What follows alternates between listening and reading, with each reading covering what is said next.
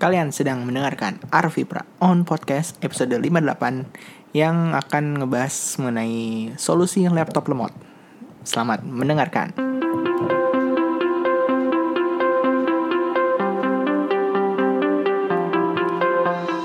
Oke, halo semuanya, apa kabar? Gimana minggu kalian? Gimana Januari mau udah mau beres, mau masuk Februari, bulan penuh cinta, bulan penuh kasih sayang bagi yang merayakan. Nah, oke, okay, uh, jadi uh, minggu kemarin kan bareng ada bareng sama Ica ya, jadi nggak sempat bahas berita apa pun. Ya kayaknya sebenarnya minggu kemarin banyak banget sih yang pengen yang harusnya gue ini dan akhirnya gue cover di Instagram di Twitter juga. Jadi kalau misalkan pengen tetap ngikutin info-info mengenai gadget dan teknologi lebih cepat lagi bisa follow sosial media Arif Podcast di Instagram, Twitter, Facebook page dan lain official account. Nah, jadi sebenarnya minggu kemarin tuh yang kelewatan tuh ada Samsung A8, Galaxy A8 dan A8 Plus. Terus apa lagi ya? uh, kayaknya sih itu sih uh, oh iya sebelum masuk ke berita uh, gue pengen minta feedback kalau misalkan gue minggu ini misal misalkan ya gue belum janji loh gue takut kalau diingkari ntar kalian menghilang Ayolah. Jadi uh, pan sih Luffy? Oke jadi ini gue pengen minta feedback aja. Kira-kira minggu ini kalau misalnya gue ngadain live entah itu di Facebook atau di YouTube kalian mau nonton nggak? Kalau misalkan yang komen di SoundCloud atau di mana pun lebih dari lima orang mungkin gue usahain sih. Cila. Nggak sebenarnya uh, ada keinginan buat live lagi di YouTube cuman ya masih mikir-mikir juga aduh lakuin nggak ya? Nggak lakuin nggak ya? Nggak lakuin nggak ya? Dan segala macamnya.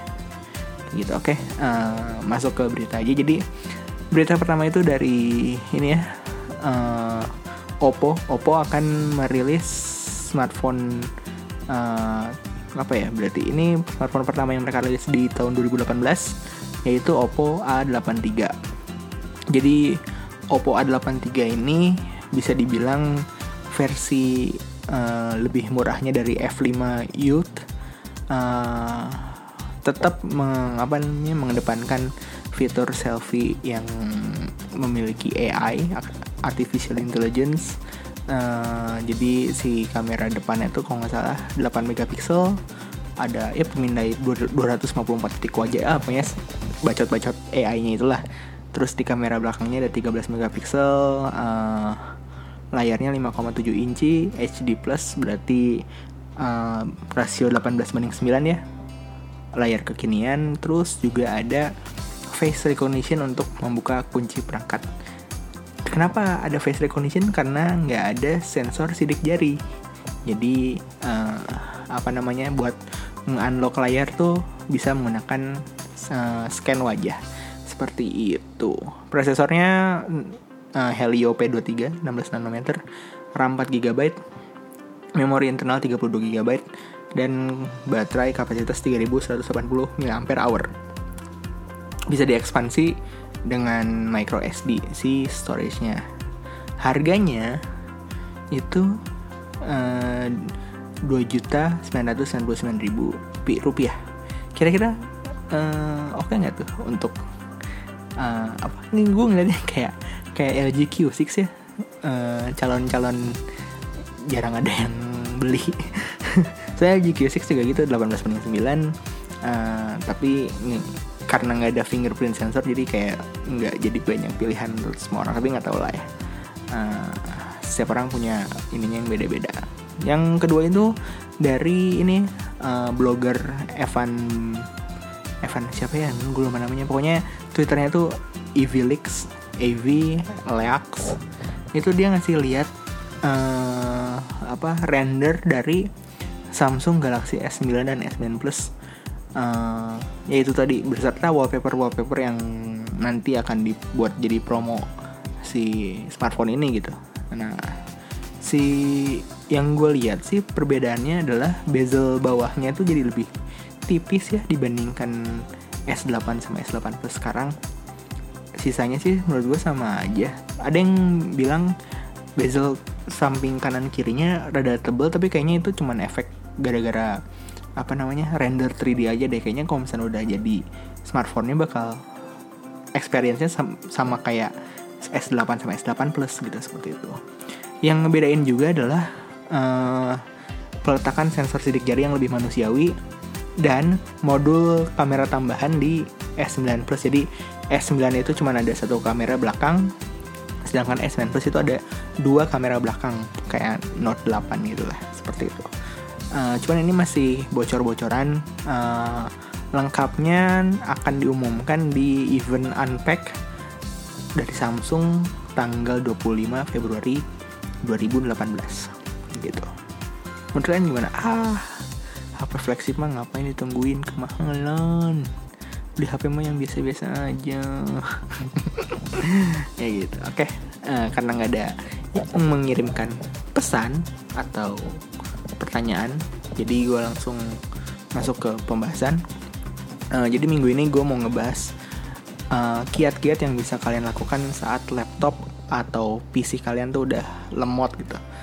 Lemot di sini gue didefinisikan seperti booting OS yang lama gitu, proses buka aplikasi yang saking lamanya bisa kalian gunakan waktu tersebut untuk mendengarkan lagu Dream Theater gitu misalkan gitu. atau enggak banyak pop up error itu kan ding error error error diklik oke OK, muncul lagi diklik oke OK, muncul lagi gitu kan sampai uh, blue screen yang datang padahal kita nggak ngundang gitu. Uh, oh ya, rata-rata tips yang gue kasih ini untuk Windows. Tapi buat yang menggunakan OS lainnya kira-kira hampir sama lah penanganannya gitu kan. Terutama jika kalian menggunakan Mac OS daripada kalian lama-lama dengerin podcast ini, mendingan bawa langsung ke iBox atau Authorized Apple Service Provider terdekat aja. Kemungkinan besar kalian akan diminta untuk mengupgrade perangkat ke yang lebih baru. Oke, okay, uh, sebelumnya gue mau ngasih tahu kalau misalnya ini uh, apa ya tips-tipsnya cukup banyak dan ya gue minta konsentrasi penuh dalam mendengarkan dan di akhir gue akan ngasih tahu uh, tips yang termudahnya uh, untuk melakukan itu semua oke okay? uh, jadi kita langsung masuk jadi kenapa device itu uh, menurut gue ya menurut gue tuh device laptop, komputer, smartphone, tablet dan segala macam tuh nggak jauh beda sama motor atau mobil gitu. Ya kita gunakan untuk menunjang kegiatan sehari-hari, tapi kita juga berkewajiban untuk memaintenance device-nya secara berkala. Ya bayangin aja kalian punya mobil atau motor gitu kalian gunain 24 jam 7 hari satu minggu gitu kan terus tapi nggak nggak pernah kalian servis kemungkinan besar pasti kendaraan kalian akan mengalami penurunan performa lah atau bahkan kerusakan di beberapa sektor gitu. Nah, buat kalian yang merasa gaptek, cuma tahu pakai, terus takut gitu ya kalau mau ngoprek-ngoprek gitu ya.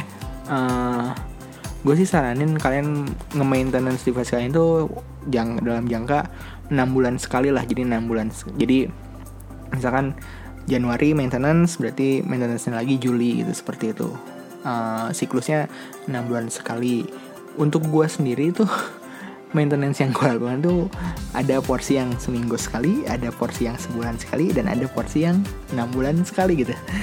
Memang sih memang overkill gitu, emang terlalu terlalu terlalu berlebihan gitu. Cuman ya gue juga seneng kok ngejalaninnya gitu dan alhamdulillah device yang gue pakai sampai sekarang ya bisa dikatakan nggak bermasalah gitu. Nah pertanyaannya maintenance seperti apa yang harus dilakukan?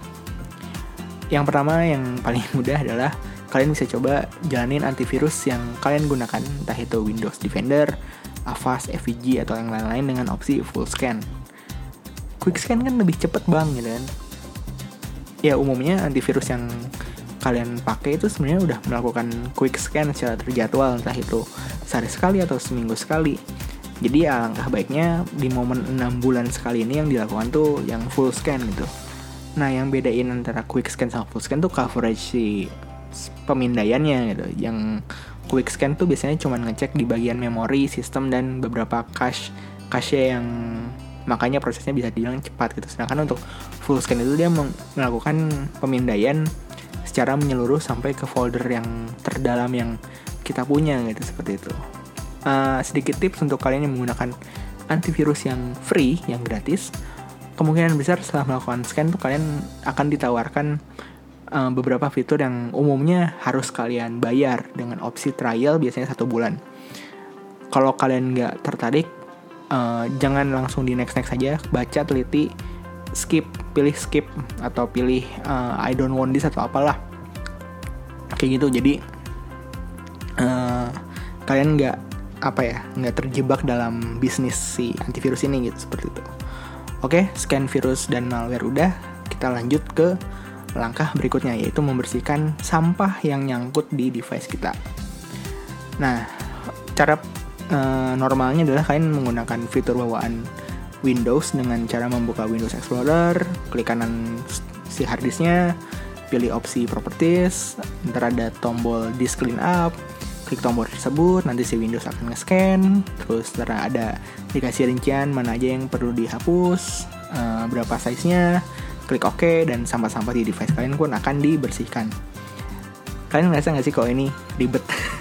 gue aja ngejelasinnya aja capek banget ini. Jadi ya santai aja, gue juga ngerasa ini cukup apa ya cukup menyulitkan apalagi awam gitu ya buat gue sendiri aja gue cukup males kalau melakukan perintah perintah-perintah kayak tadi gitu. Nah, uh, untungnya kita ada dibantu sama software dari pihak ketiga. Yang gue sering pakai sih si cleaner ya si cleaner CC cleaner. Biasanya di gue gue juga dulu sempat nyebutnya CC cleaner sih tapi ya yang bener ternyata si cleaner gitu kan. Kalian bisa download melalui website peerreform.com atau kalau nggak sekarang udah ganti jadi cleaner.com tapi ya cek aja lah si cleaner gitu kan. Uh, usahain jangan download dari download.com ya. Soalnya itu si download.com itu sebenarnya website palu gada apa lo mau gua ada. Tapi ya itu uh, rentan. Sempat si cleaner ini apa uh, terkena malware tapi sekarang udah udah clean lagi sih seperti itu. Nah uh, pas waktu udah install kalian buka si cleanernya ntar ada dikasih lihat tuh aplikasi-aplikasinya dan yang biasa kalian pakai dan apa aja yang bisa dihapus itu kan. Kalian cek saja yang memang pengen kalian hapus dan uncheck yang kalian perlu. Misalkan contoh kalau misalnya history browser kalian penting ya pilihan browser history di uncheck gitu. Seperti itu. Setelah itu klik analyze nanti setelah itu dikasih tahu sama si cleanernya apa aja yang perlu dibersihkan dan total size nya berapa. Kalau misalnya udah oke okay, langsung klik clean. Nanti si cleanernya akan uh, ngehapus file-file yang udah tadi kita cek gitu seperti itu nah pengalaman gue bersih-bersih file menggunakan si cleaner ini tuh um, belum pernah kejadian ya file-file penting seperti dokumen gitu ikut kehapus cuman kalau misalnya kalian masih belum percaya-percaya banget sama mesin silahkan backup data-data penting ke storage eksternal atau misalnya ke cloud storage. Nah, jika kalian sudah melakukan bersih-bersih tapi storage kalian tetap penuh, coba cek folder download kalian. Gua saranin walaupun betapa sayangnya terhadap hasil downloadan kalian, entah itu film, entah itu bokep, entah itu lagu, entah itu program, entah itu apa ya? Yang gede-gede lagi biasanya. Hmm, um, game installer installer game ya kalau udah apa lu nggak pernah mainin lagi ya hapus aja gitu ntar juga bisa di download lagi gitu apalagi apa ya yang sering sih buat gue sih kayak don apa gambar-gambar meme-meme yang kalian simpan terus kalian uh, dalam hati tuh berharap kayak ini akan ada saatnya nih gue publish meme ini ke teman-teman gue gitu. Udah itu hapus aja. Ntar juga kalian nemu sendiri lagi di internet lah. Kayak gitu. Uh, ya itulah tadi. Hapus-hapus beberapa file-file yang nggak penting gitu kan film-film yang kodenya SSNI, ABP, SNIS, IPZ, uh, apalagi ya uh, aduh gue lupa. Gue biasanya downloadnya gitu itu dong sih. Kayak gitu ya itu hapus aja lah. Ntar juga ada episode yang lebih baru yang lebih bagus gitu. Kayak gitu. Oke. Okay. nah setelah hapus-hapus data jangan dulu bahagia. Karena storage kalian mungkin perlu dirapihkan dengan proses defragment. Jadi apa itu defragment? Oke, gue coba analoginya dengan hal yang lain. Katakanlah kalian orang kaya dan hobi banget koleksi mobil. tapi karena kalian tajirnya itu bertahap gitu ya karena karena tidak korupsi jadi tadinya tajirnya itu nggak mendadak tapi tajirnya tuh dari step by step ya dari bawah ke atas naik tangga gitu pelan pelan nah kalian beli mobil-mobilnya itu juga satu persatu gitu jadi kalian katakanlah punya satu garaksi yang cukup untuk dua mobil kalian beli mobil pertama garasi masih bisa diisi beli mobil kedua masih bisa diisi tuh si mobil si dua mobil tersebut di garasi pertama Nah, pas waktu mau beli mobil ketiga, kan garasi kalian penuh tuh. Dan sebagai warga Indonesia yang teladan dan tidak mau menyusahkan tetangga, kalian membangun lagi satu garasi. Walaupun mungkin itu dengan mengusir tetangga sebelah dengan membeli rumah tetangga. Tapi ya, udahlah. Karena membangun satu garasi lagi untuk menampung mobil ketiga. Katakanlah kalian hidup di dunia COC yang membangun sesuatu bisa serba instan dengan memberikan diamond itu kan jadi langsung jadi. Oke, okay Lanjut lagi kalian beli mobil keempat, disimpan garasi kedua. Oke, status sekarang berarti kalian punya dua garasi, garasi satu, garasi dua, garasi satu terisi mobil satu dan dua, garasi dua terisi mobil tiga dan empat. Tiba-tiba mobil yang kedua mengalami kecelakaan karena menabrak tiang listrik dan harus direlakan menjadi sampah. Sehingga kondisi garasi satu cuma diisi mobil pertama. Untuk menghibur diri karena mobil kedua sudah menjadi rongsokan, kalian beli lagi mobil kelima dan nggak tanggung-tanggung tuh langsung kayak Alphard gitu lah yang apa eh, MVP eh, eh MPV ya eh atau pokoknya itu mobil-mobil yang gede itu lah. Nah karena garasi pertama ada ruang kosong, kalian coba tuh masukin Alphard ke garasi pertama eh ternyata nggak cukup. Kalau manusia normal mungkin akan membiarkannya di luar dengan memberikan car cover biar nggak kena debu. Tapi karena kalian mengagumi cara kerja hard disk nih si Alphard ini tuh kalian bagi dua. Uh, bagi dua terus yang setengah itu disimpan di garasi satu yang setengah lagi disimpan di garasi ketiga gitu kan. Nah masalah datang saat kalian ingin make si Alphard ini. Karena kalian harus ngambil dulu dari garasi satu ngambil dulu dari garasi tiga digabungin dulu baru kalian pakai seperti itu nah itu adalah problem hard disk yang terfragmentasi atau tidak lama nggak di defrag filenya tuh banyak yang kececer jadi ada file katakanlah file 1 giga tapi 200 megabyte-nya disimpan di mana, 300 megabyte-nya disimpan di mana. Jadi uh, si prosesor tuh harus nyambungin si filenya dulu baru bisa dilaksanakan, uh, baru baru baru bisa di uh, apa ya, dieksekusi si filenya gitu seperti itu. Nah, si defragment ini cara kerjanya adalah membongkar semua isi garasi keluar. Jadi mobil satu, mobil tiga, mobil empat sama mobil yang Alphard keluar, dicek ada yang tercerai berai atau enggak. Kalau ada disatukan terlebih dahulu dahulu. Jadi mobil satu dicek, oh enggak, enggak hancur, enggak enggak terpecah belah. Mobil tiga enggak terpecah belah. Mobil empat enggak terpecah belah. Mobil yang Alphard. Celana kebagi dua nih. Oh yaudah gue satuin aja dulu. Jadi Avart yang full. Nah baru tuh si apa namanya uh, setelah disatuin baru dimasukin lagi tuh. Nah garasi pertama masukin mobil satu. Garasi terus garasi pertama juga masukin mobil ketiga karena masih cukup. Garasi keempat masukin uh, eh garasi kedua masukin mobil yang Avart langsung full. Baru garasi ketiga masukin mobil ke empat jadi pas waktu mau make si Alphard itu nggak perlu digabungin lagi dan langsung cus berangkat gitu. Ya kira-kira analoginya gitulah. Kalau misalnya kurang jelas mungkin bisa bisa gitu ada yang ya kalau misalnya ada yang aneh mungkin bisa ditanyakan atau apalah seperti itu. Gue open for ini kok komentar dan segala macam. Nah tapi perlu diingat kalau proses ini tuh hanya untuk hard disk Sedangkan untuk SSD atau solid state drive itu ada yang namanya trim, tapi trim ini udah berjalan otomatis sehingga uh, katakanlah tidak perlu lagi secara manual melakukan proses trim seperti itu. Nah, seharusnya storage kalian bisa jauh lebih lega dibandingkan yang sebelumnya. Gue sih biasanya uh, matokin sekitar 15 sampai 20% itu tuh uh, batas ambang free dari suatu storage misalkan katakanlah gue punya hard disk 1 terabyte berarti gue ya seenggaknya gue nyisain sekitar 150 sampai 200 gigabyte free seperti itu. Uh, Oke, okay. uh, lanjut ke cek drivers atau BIOS. Gue sih nyaranin banget untuk download driver atau BIOSnya dari uh, manufaktur brand perangkat kalian. Kalau misalkan laptop kalian Acer, kalian cek bagian support atau driver di acer.co.id. Laptop kalian Asus cek di web Asus gitu kan dan uh, and so on and so on and so on gitu kan.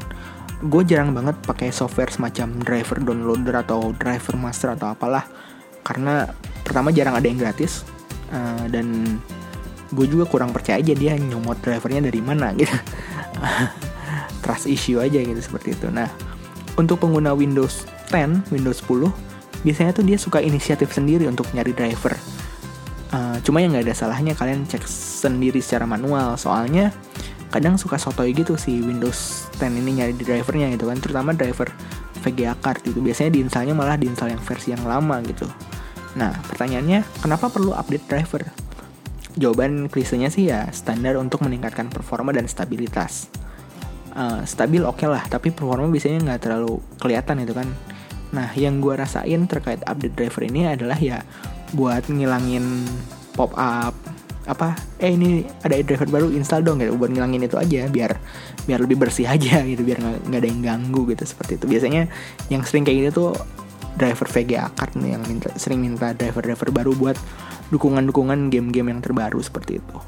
Nah, setelah update driver atau BIOS kalian juga bisa cek software-software yang biasa kalian pakai gitu. Misalkan browser, music player, video player, office gitu kan. Untuk dicek apakah ada update terbaru nggak. Kalau misalnya ada update terbaru ya update aja.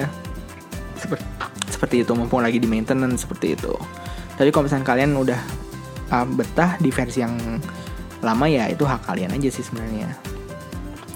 Oke okay, uh, jadi itu tadi tips-tips yang gue saranin. Ya sebenarnya cukup sampai sini sih. Namun kalau misalkan setelah melakukan apa yang tadi gue saranin ternyata masih bermasalah gitu kan ini ada beberapa tips dan mungkin tingkatannya cukup advance. Uh, yang pertama adalah riset. Anak kaskus mungkin senangnya menggunakan kata inul aja kan inul dari singkatan install ulang gitu. Untuk kalian yang menggunakan Windows 7 ke bawah dan atau OS banyak kan mungkin sedikit ribet. Sedangkan untuk kalian yang menggunakan Windows 8 ke atas dan original, Windows tuh ngasih kemudahan dan opsi untuk reset device kalian. Hal pertama yang kalian lakukan adalah backup, karena ada kemungkinan storage kalian akan dibabat habis tanpa sisa. Metodenya bisa kalian cari di Google karena cukup panjang dan abstrak jika gue jelasin via suara doang ya. Tapi umumnya kalian akan dikasih opsi refresh, reset, uh, ya refresh dan reset. Untuk opsi refresh itu hanya file sistem-sistemnya aja yang diinstal ulang. Sedangkan untuk opsi reset ada kemungkinan data-data seperti dokumen, program itu uh, babat habis itu seperti itu. Sebaiknya pilih yang mana? Kalau gue sendiri coba refresh dulu, kalau misalkan nggak membantu, baru reset seperti itu. Kalau misalnya masih bermasalah, berarti secara hardware memang bermasalah. Nah, yang kedua itu tadi langsung ke bersihin hardware. Dan proses ini biasanya gue lakukan satu tahun sekali. Yang bisa gue lakukan itu biasanya gue bongkar uh, si laptop atau si komputer, terus gue bersihin pakai kuas, gitu, pakai penyedot debu, dan uh, ya perangkat pembersih hardware yang bisa kalian dapatkan di toko komputer atau S hardware lah untuk PC biasanya gue lakukan sendiri tapi buat laptop biasanya gue minta bantuan ke tempat servis supaya nggak terjadi hal-hal yang melelahkan kalian juga mending langsung ke tempat servis aja. Dan apa ya uh, apa yang gue sebutin di atas tadi semuanya itu bisa kalian minta uh, di tempat servis laptop itu kalian bilang aja mau ngebersihin laptop gitu mau maintenance dan segala macem. Biayanya mungkin sekitar 100 sampai 150 ribu tapi bisa juga lebih murah. Tergantung dari tokonya sih seperti itu. Yang biasa dibersihin tuh biasanya debu ganti pasta prosesor bersihin kipas itu kan. Kenapa ini cukup esensial? Karena panas dari laptop ini mempengaruhi kerja kinerja dari si prosesor. Misal panasnya terlalu berlebihan hal pertama yang laptop lakukan tuh adalah mempercepat putaran kipas. Mungkin kalian sering dengerin laptop kalian tuh bunyinya nyaring gitu. Nah itu tanda-tanda laptop perlu dibersihin. Jika di, kalian biarkan apa yang terjadi kemungkinan besar laptop kalian nggak tahan sama panas yang dihasilkan dan uh, si prosesornya dipaksa untuk menurunkan performanya. Jadi ya buat kalian yang merasakan laptop lemot dan berisik ya mungkin udah saatnya laptop kalian dibersihkan. Nah, selain opsi-opsi pengobatan seperti di atas, kalian juga bisa memberikan performa ekstra dengan mengupgrade laptop kalian. Umumnya yang bisa ditambah dan diganti adalah memori dan storage. Untuk memori, tips dari gue adalah cek dulu ada slot kosong nggak buat nambahin memori. Takutnya eh, slotnya cuma satu atau bahkan udah disolder di motherboard gitu, sehingga nggak ada kesempatan untuk upgrade. Baru setelah itu cek tipe RAM kalian apa, apakah DDR3, DDR3L, atau DDR4 gitu kan. Untuk ngeceknya bisa buku baca buku manualnya, googling atau menggunakan software CPU Z. Selain dari tipe 6, kalian juga bisa catat clock speed memori kalian berapa. Umumnya DDR3 itu jalan di 1600 MHz dan DDR4 itu di 2100 MHz. Tapi cek lagi aja via buku manual atau CPU Z. Nah, uh, biasanya yang rada uh, bingung bingung ini nih DDR3 itu tuh ada dua tipe, DDR3 dan DDR3L. Perbedaan yang paling mendasar dari dua model ini tuh di voltasenya, di mana DDR3 itu membutuhkan 1,5 volt untuk berjalan, sedangkan DDR3L butuh 1,35 volt. Nah, ya ada beberapa slot DDR3 yang bisa diisi DDR3L karena secara asupan daya uh, mencukupi gitu kan, tapi tidak berlaku sebaliknya. Tapi ya gue sih nyaraninnya kalau misalnya kalian mau kayak gitu ya opsi terakhir aja sih. Mending cari modul memori yang emang support buat laptop kalian gitu seperti itu. Nah opsi kedua itu adalah upgrade storage-nya. Kalau kalian masih menggunakan hard disk gue saranin banget ganti ke SSD ganti ke SSD dengan SSD ini performa laptop kalian tuh akan naik signifikan bisa dicek dari boot speed buka program proses read atau write. Nah, caranya gimana? Ya cek dulu, ada nggak slotnya. Di tahun 2017 nih biasanya laptop mid-range tuh udah dikasih slot namanya M.2 ya, M.2.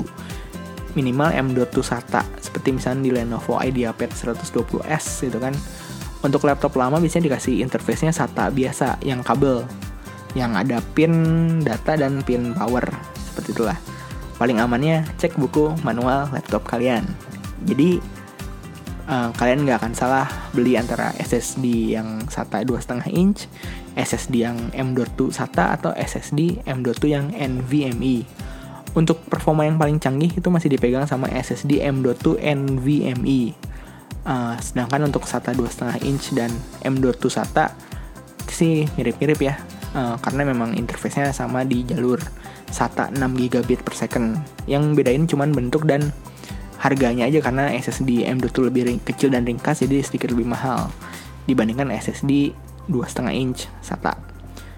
Nah, uh, dibalik performa ngebutnya gitu, SSD itu sebenarnya punya kelemahan yang bisa dibilang lumayan karena rupiah per kapasitasnya tuh lebih mahal dibandingkan hard disk. Gue dulu beli uh, SanDisk SSD plus 120 GB di harga 700 ribu sedangkan di harga yang sama bisa beli hard disk sekitar 500 sampai 750 GB. Uh, perbedaannya bisa sampai berapa tuh? 5 6 kali lipat uh, storage-nya kan. Nah, jadi buat yang storage-nya cuma satu ya kalian harus milih mau performa atau kapasitas. Atau misalkan uh, beli SSD kapasitasnya tinggi yang harganya lebih mahal gitu seperti itu. Jadi ya itu tergantung kalian. Cuman ya gue sih nyaranin tetap SSD itu is a sih. Kalau kata tangan bilang itu ya, SSD itu is a seperti itu. Uh, kalau gue sendiri gue sen di laptop gue sendiri tuh gue kan gue ada DVD drive tuh. Nah DVD drive nya tuh gue akalin buat nyimpen hard disk. Namanya tuh HDD CADDY di Tokopedia banyak yang jual. Nah jadi laptop gue mak jadi DVD-nya gue ganti jadi hard disk. Nah terus storage yang di laptop gue ganti jadi SSD gitu. Jadi buat naruh program di SSD buat naruh file-file data-data di hard disk gitu kan. Uh, karena kenapa gue bisa melakukan itu? Karena ya gue emang udah nggak butuh lagi DVD gitu. Gue udah jarang banget pakai DVD gitu. Jadi ya kehilangannya bisa dibilang nggak berasa gitu. Kayak kehilangan apa aja nggak berasa ya. Gila ya panjang banget ya episode ini ya. Lanjut lah ya lanjut lah ya tanggung. Ya, lanjut lah ya tanggung ya. Biasanya tuh terkait upgrade ini tuh pertanyaan yang umum adalah upgrade memori atau storage dulu? Menurut gue yang pertama yang harus dilakukan adalah cek dulu yang bisa di-upgrade apa. Ntar kalau gue bilang upgrade storage aja ternyata storage-nya nggak bisa di-upgrade gitu kan hmm, misalkan katakanlah dua apa ya dua sektor tersebut bisa di-upgrade. Prioritasnya ke mana? Menurut pengalaman gue upgrade RAM itu nggak seberasa upgrade SSD ya iyalah SSD bisa bikin bootnya makin ngebut gitu ya, rima. Tapi tapi tapi ya berasanya pas itu doang. Sedangkan dengan upgrade RAM yang gue rasain adalah performa laptop jadi lebih stabil terutama kalau browsing bukan 16 tab sekaligus sambil download Spotify sambil download via torrent gitu kan sambil bikin presentasi gitu. Karena alokasi memori yang cukup lega jadi uh, proses-proses yang di belakangnya pun berjalan dengan lancar gitu. Nah pilihannya ada di kalian. Kalian butuh multitasking yang nyaman atau boot speed yang kenceng gitu. Kalau misalnya masih bingung gue saranin RAM aja dulu. RAM aja dulu baru nanti kalau udah kekumpul lagi duitnya SSD tapi ya kalau bisa langsung dua-duanya ya dua-duanya aja gitu. Seperti itu. Oke mungkin setelah mendengar ini kalian cukup pusing karena takut dan tidak percaya diri dan tidak mengerti ya itulah kenapa diciptakan tempat servis laptop. Rata-rata tempat servis laptop juga menyediakan jasa maintenance. Tips dari gue adalah cari tempat servis laptop yang kalian percaya. Coba tanya ke teman kalian yang lebih ngerti komputer siapa tahu dia punya rekomendasi atau ya mungkin dia juga bisa bantu untuk apa untuk maintenance gitu seperti itu.